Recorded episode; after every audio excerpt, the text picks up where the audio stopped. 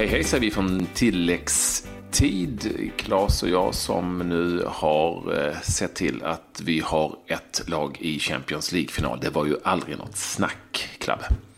Nej, de gick ju in i den här matchen med en eh, 2-0-ledning Juventus och eh, han chansade lite här, Jadim, med en, med en trebackslinje, men eh, det betalades aldrig. De straffades rejält av ett eh, Juventus som eh, Ja, men de vann den här matchen på ett bekvämt sätt. 2-1 skrevs i siffrorna till slut, men Eh, nej, fantastisk eh, prestation igen av Juventus som är så bra bakåt men också de har så mycket framåt och eh, man måste ju beundra spelare som Dani Alves som de hämtar in gratis från Barcelona. Mm. Han ligger egentligen bakom eh, alla mål i den här semifinalserien och eh, eh, Eh, nej, det, det, är verkligen imponerande av Juventus som eh, nu då har jobbat sig eh, tillbaka till finrummet igen. De var i final här för något år sedan.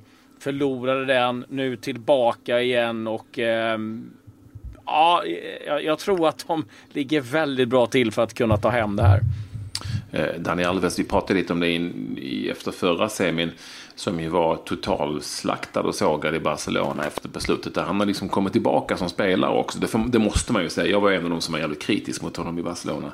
Tyckte mest han var lite slarvig och, och eh, sprang och tänkte på annat. Men eh, ja, nu har han tagit sitt lag till, inte bara han, men han har varit en stor del av att ta sitt lag, sitt kontrollerade lag till till en final i Champions League. Och man får väl säga att den stora sensationen i det här mötet var väl egentligen att Juventus till slut släppte in ett mål. Ja, ja, precis. Man satt och bara oj, vad hände nu? Och det var ju Mbappé som eh, gjorde det givetvis. Och eh, vi måste ju ändå berömma detta Monaco. Jag menar, de, de började kvala in i den här turneringen. Och det ska man ju kanske ha med sig då när eh, Mourinho säger att de spelar väldigt mycket matcher med den truppen de besitter. Monaco har alltså kvalat ifrån första rundan i stort sett in hela vägen till en semifinal med ett extremt ungt lag. De kan säkra en ligatitel nästa helg och eh, har stått för en fantastisk säsong med många spelare som vi kommer följa under lång, lång tid framöver. Och, eh, det, det ska, eh, måste vi ändå säga i hyllningen av Juventus att vi måste lyfta fram eh, Eh, detta Monaco också. Men sen Patrik, jag hittade en, jag tycker det var lite intressant. Vi pratade ju om Dani Alves och då bör man ju tänka på brasilianska ytterbackar som de har tagit fram de senaste åren. Mm. Cafu, Roberto Carlos, Maicon, Dani Alves, Marcelo, Alexandre eh, och Felipe Luis. Det, det är helt makalösa spelare som de har fått fram på den positionen. Mm. Ja, eh, man får kanske välja det när man är brassig helst om man ska ha en möjlighet att ta sig framåt eftersom det är rätt fullt på de centrala positionerna. alla andra vill spela. ja, precis. Jag vet inte om det är därför. Det är det eller målvakt, det är det man får satsa på i Brasilien. Ja. Eh, det finns ju en stor hjälte i Juventus, givetvis större än alla andra. Det, det är vi alla överens om. Han heter Gianluigi Buffon. Vi kommer återkomma kring honom. Kanske kan bli spelaren som vinner Ballon d'Or. Och vi, vi kommer att prata mer om eh, Buffon om en liten stund med en svensk eh, målvaktsstjärna som tok hyllar denna Buffon och pratar om lite annat om en liten stund. Eh, men eh, om vi lämnar Champions League-semin där. Det är ju en som spelas eh, idag också. Den känns väl eh, ungefär lika avgjord som den här gjorde. Eh, så, så har det hänt lite annat i fotbollsvärlden eh, under tisdagskvällen. Ja, det är ju så här att eh, samtidigt som eh, då Juventus eh, spelade till sig en finalplats så passade en av deras stora rivaler Inter att eh, sparka sin tränare Stefano Pioli. Han eh, erbjöd sig faktiskt själv att avgå här för ett tag sedan. Eh, sa klubben nej, nej, du ska stanna kvar. Det blir förlust mot Genoa och då var det färdigt eh, för hans del. Så nu fick han sparken och de är alltså inne nu på fjärde tränaren den här säsongen. Började med Mancini, hoppade av precis innan säsongen började. Frank de Boer tror jag fick 85 dagar. Pioli tog över och eh, fick nu då sparken och nu är det akademitränaren Stefano Vecchi som kommer ta över med tre matcher kvar. Och eh, ja, det fortsätter att eh, storma kring Inter, detta patsa inte, galna inte som det kallas. Men även i Spanien så är det tränare som fått lämna. Real Betis eh, gav Victor Sanchez eh, dojan ikväll och eh, han blev klubbens nionde tränare som eh, fått lämna sedan 2013. Trujillo som kommer in istället. Så att, eh, ja, det är fan att vara tränare, Patrik. Du. Ja, de får skylla sig själva. De vet ju vad det är som gäller. Det är ju, ja, nej, det är ju um, lite olustigt med Inter ändå som är ju en... Det är ju inget fel på Real Betis, men, men Inter är ju en anrik förening att det liksom har ballat ur så fullständigt som det, som det verkar ha gjort. Ja, och spenderat oerhörda pengar på nyförvärv och eh, de nya kinesiska ägarna eh, gå in och agera på det sättet. Det är tre omgångar kvar. Alltså det, eh, det, är, det, är, det är ingen bra arbets klimat i Inter eh, just nu så får vi se lite vad de satsar på. De har ju varit tydliga med att de vill ha Diego Simeone eller Antonio Conte så får vi se om de kan locka till sig någon av dem. Vi ska också säga på nyhetssvängen att Isak Kiese som ju tillhör Bordeaux, varit utlånad till Anderlecht den belgiska ligettan nu eh, har bestämt sig för att stanna kvar till 99 procent så är det klart att han då eh, det görs en övergång från Bordeaux till Anderlecht och Kiese Stan är en svensk som lyckas hyggligt i Belgien. Det är inte det vanligaste. Nej, Tittar vi sen, Tittar vi sen på, eh, på resultat som vi gärna gör, det finns inte så många, men här är några. Resultat som vi bryr oss om. Som jag tycker är lite intressanta. Och eh, då är det ju så att jag gillar Färöarna som har spelat i U17 EM-slutspelet. Patrik kommer flytta till Färöarna ja, Men att de tog sig till ett slutspel för U17 är ju bara så galet fantastiskt. Men det gick så där. Nu blev det stryk mot Ungern med 4-0. Totalt så släppte de in 13 mål på tre matcher och gjorde inga mål. Men de var ändå där. Det var inte Sverige. Ja, det är inte illa. Eh, det, det resultatet som jag har fastnat för, det är faktiskt en U23-match i England. Hall mot Charlton, och tänker man, vad kan det finnas för intressant i den mm, matchen? Godis. Ja, men med tanke på vad vi heter så måste jag ändå eh, lyfta fram det. Den matchen slutade 3-3. Och alla mål gjordes på tilläggstid. Och det tycker jag, då, då, då måste det komma med. Alla mål gjordes på tilläggstid i matchen Hall-Charlton U23-match. Hur lång tilläggstid vill man ju veta. Ja, den, den bör ju varit ganska tilltagen. Eh, annars så var det ju ett riktigt dåligt försvarsspel. Men eh, det, det, är ett resultat som jag tycker liksom, eh, det måste lyftas fram eh, en sån här kväll. Mm. Eh, och då gör vi det här i tilläggstid. Kul att du vill vara med oss. 15 minuter fotboll varje dag. Ibland kanske lite mer tilläggstid. Ungefär som i den där Hall-Charlton eh, U23-matchen. Eh, vi, eller jag ska jag säga, ringde upp John Alvbåge som ju numera tillhör MLS-laget Minnesota United för att prata målvakter och kanske framförallt för att prata Buffon. Eh, men också lite om eh, IFK Göteborg, Pontus Dahlberg och lite annat. Och vi säger tack och hej med den intervjun, Klabb, och önskar er välkomna till tilläggstid imorgon. Nu lyssnar vi till Ja, du får säga hej då också Klabbe, eller hur? Ja, ja, ja absolut. På återseende. Ja, hej, på återseende. Och här har ni John Alvbåge. Skönt och härligt att höra honom igen. Ja, med det så säger jag hej till John Alvbåge, numera borta i eh, USA och Minnesota som ju är klassiska svenskmarker in the United States of America, eller hur John? Precis, det är så man säger. Hello, hello. Tror du att Gianluigi Buffon har en möjlighet att vinna Ballon d'Or och bli världens bästa spelare den här säsongen? Att han är värd det, det, det, tycker jag verkligen. Inte bara för att jag är enögd här nu och gillar målvakter, men eh, det kan väl vara något för något slags eh, lång och trogen tjänst också. Om de nu skulle vinna eh, Champions League-finalen då såklart. Jag tror mycket om Ballon d'Or kommer avgöras just i den eh, matchen då, i och med att det inte är något eh, mästerskap i år, EM eller VM eller sådär.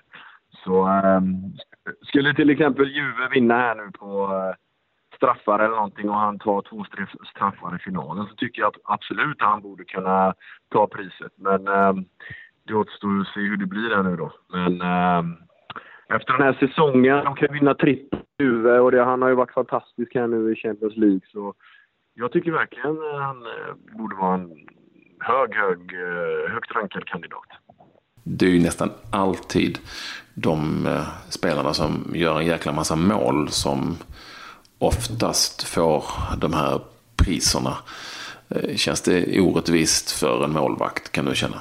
Ja, men orättvist. Det, det är väl mer orättvist att man eh, är så pass grym och man växer upp eller spelar under samma generation som Messi och, eh, och just Ronaldo. Liksom. De eh, vinner ju varandra pris här och det är de ju såklart värda för de är ju världens bästa spelare de två. Och i år blir det väl säkert Ronaldo då. Men äh, återigen, äh, jag tror mycket kommer avgöras här med Champions League-finalen. Och sen orättvist, äh, är man så otroligt överjävligt bra som Ronaldo är, liksom, då är det ju klart att han säkert ska ha priset. Men äh, vem vet, finalen här får väl avgöra lite. Och det säger ju mycket om hans fantastiska säsong också, att det ens snackas om att han eventuellt kan vinna i och med att Ronaldo har varit så fantastisk i år. Och jag har även Messi varit också, men Ronaldo har ju stuckit ut kanske lite mer. Så, eh, men senast en defensiv spelare vann målet 2006, då var det en italienare och Cannavaro. Så då, då kan det där med defensivt tänk italienarna.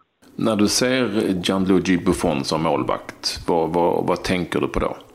Ja, nej, men styrkorna generellt när det är en sån toppmålvakt är ju att han är han har ju inga direkta svagheter och att han är så otroligt jämn i sin prestation. Spelar otroligt många matcher, har god fysik, eh, det vill säga att han eh, är aldrig borta på grund av någon skavank eller skada och sådär.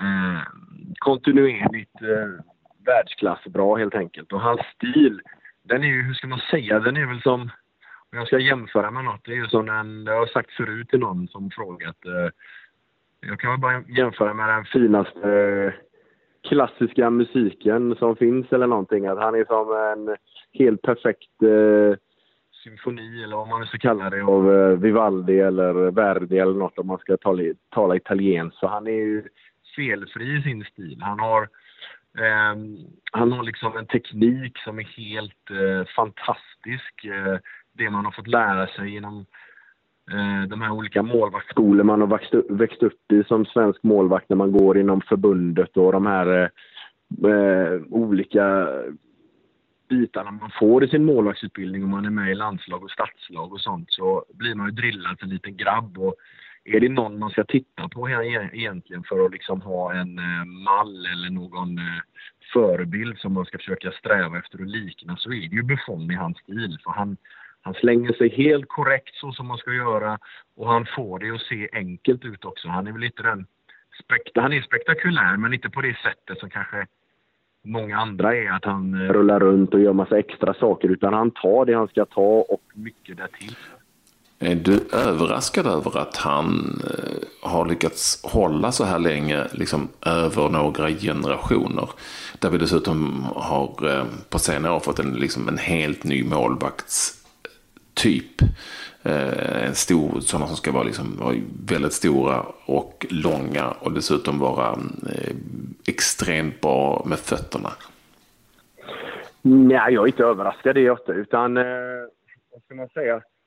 Uh, han har varit med i mer generationer om man ska säga så. Det var någon intervju han sa häromdagen i tv att när han var ung och slog igenom så spelade han med folk som uh, i princip var födda på 50-60-talet och nu när han avslutar karriären så kommer han spela med folk som är födda på eh, alltså 00-talet om man säger. Så eh, han eh, har ju varit med om många olika generationer. Och, eh, nej, det är väl det är egentligen den stora förändringen du snackar om är väl det här fotarbetet som är den här moderna målvakten nu då. Men man ska inte glömma det heller att det viktigaste för en målvakt det är ju att kunna ta skott och ta bollen med händerna.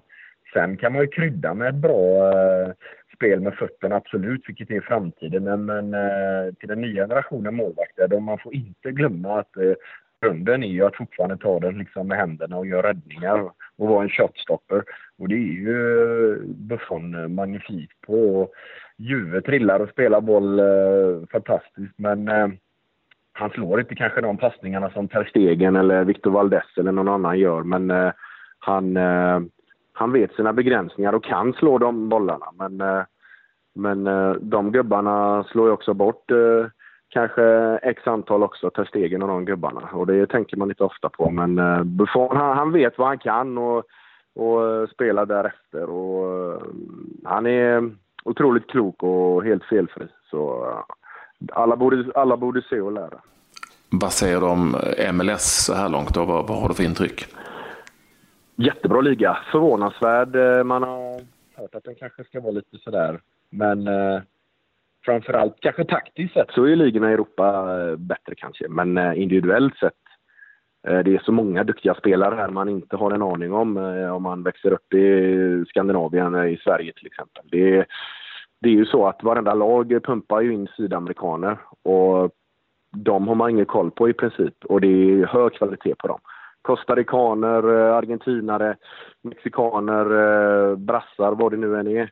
Och de är många sjukt duktiga. Du kul med sådana utlänningar, sen har du en stomme i några amerikaner. Och eh, ja, någon europé hit och dit också då. Men det är det som gör det så jäkla bra här, kvaliteten tycker jag. För det är galna mål varje, varje vecka, varje omgång.